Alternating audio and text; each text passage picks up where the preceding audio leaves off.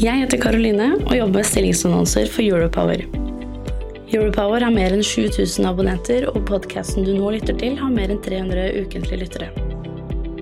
Hvis du er på jakt etter ny jobb, se stilling.europower.no. Ta også gjerne kontakt med meg dersom du ønsker å annonsere ledige IT-stillinger i fornybar energibransje.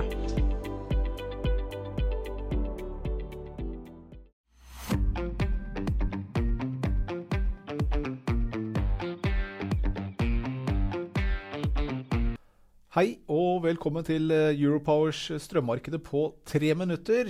Vi skal begynne med å se litt på ressurssituasjonen i Norge, som eh, faktisk er på bedringens vei. Begynte året med en fyllingsgrad under normal for eh, hele Norge, og en ca. 4 prosentpoeng under det som er normalt. Nå er altså det underskuddet i magasinene det har blitt halvert, så nå er vi nede på 2 prosentpoeng under det som er eh, normalt for årstiden. Litt vanskelig å se i denne grafen, men hvis vi ser kun på avviket fra normal, så ser vi også det at prognosen fremover er at uh, magasinene faktisk skal uh, normalisere seg da, i løpet av et par uker.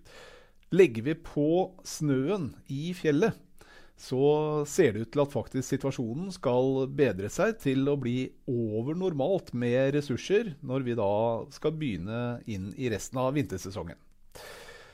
I spotmarkedet der har det vært fallende pris den siste uken i Sør-Norge. Det var omtrent 30 øre ned i Sør-Norge, men samtidig så steg også prisene i Midt-Norge med ca. 30 øre.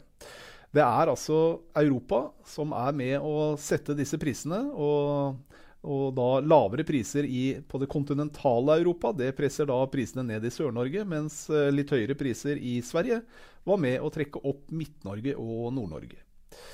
Ser vi litt fremover, så ligger prisene nå for alle landsdelene omtrent der eh, hvor gjennomsnittet skal ligge din, det neste året. Uh, og når jeg mener uh, skal ligge, så betyr det ut ifra de prisene som handles i markedet for fremtiden.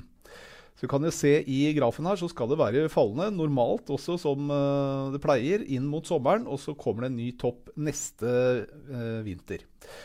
Og da kan altså produsentene nå velge å produsere mye vann nå til de prisene vi har for øyeblikket. Eller så kan de spare vannet og bruke det for neste vinter. Det gjelder altså for alle landsdeler, så ligger det omtrent der hvor det er priset inn det neste året. Og det er først når vi kommer ut i en 2025 at prisene kanskje over tid kan ligge under én krone i Sør-Norge. Og det at prisene styres mye fra utlandet, kan vi også se i neste graf, hvor, hvor vi sammenligner prisen i Sør-Norge mot prisen i Tyskland tilbake til 2005. Hvor vi kan se at korrelasjonen den er uh, høy. Og det er til tross for at uh, kabelen mellom Tyskland og Norge den kom først på plass i 2021. Så påvirkningen av de europeiske prisene har ligget der mye lenger enn det selve kabelen til Tyskland har. Det er selvfølgelig gjennom Danmark hvor prisene har smitta. Denne uken så ble det også kjent at Stortinget skal, eller regjeringen skal nå også ta opp til uh, behandling denne Skottlandskabelen som ble søkt for en del år tilbake og har ligget uh, på hvil. Så får vi se åssen det går med den. I mellomtiden så følger du med på Europower daglig. Takk for oppmerksomheten.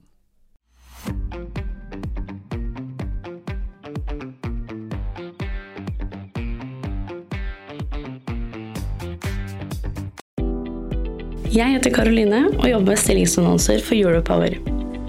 Europower har mer enn 7000 abonnenter, og podkasten du nå lytter til, har mer enn 300 ukentlige lyttere. Hvis du er på jakt etter ny jobb, se stilling.europower.no. Ta også gjerne kontakt med meg dersom du ønsker å annonsere ledige IT-stillinger i fornybar energibransje.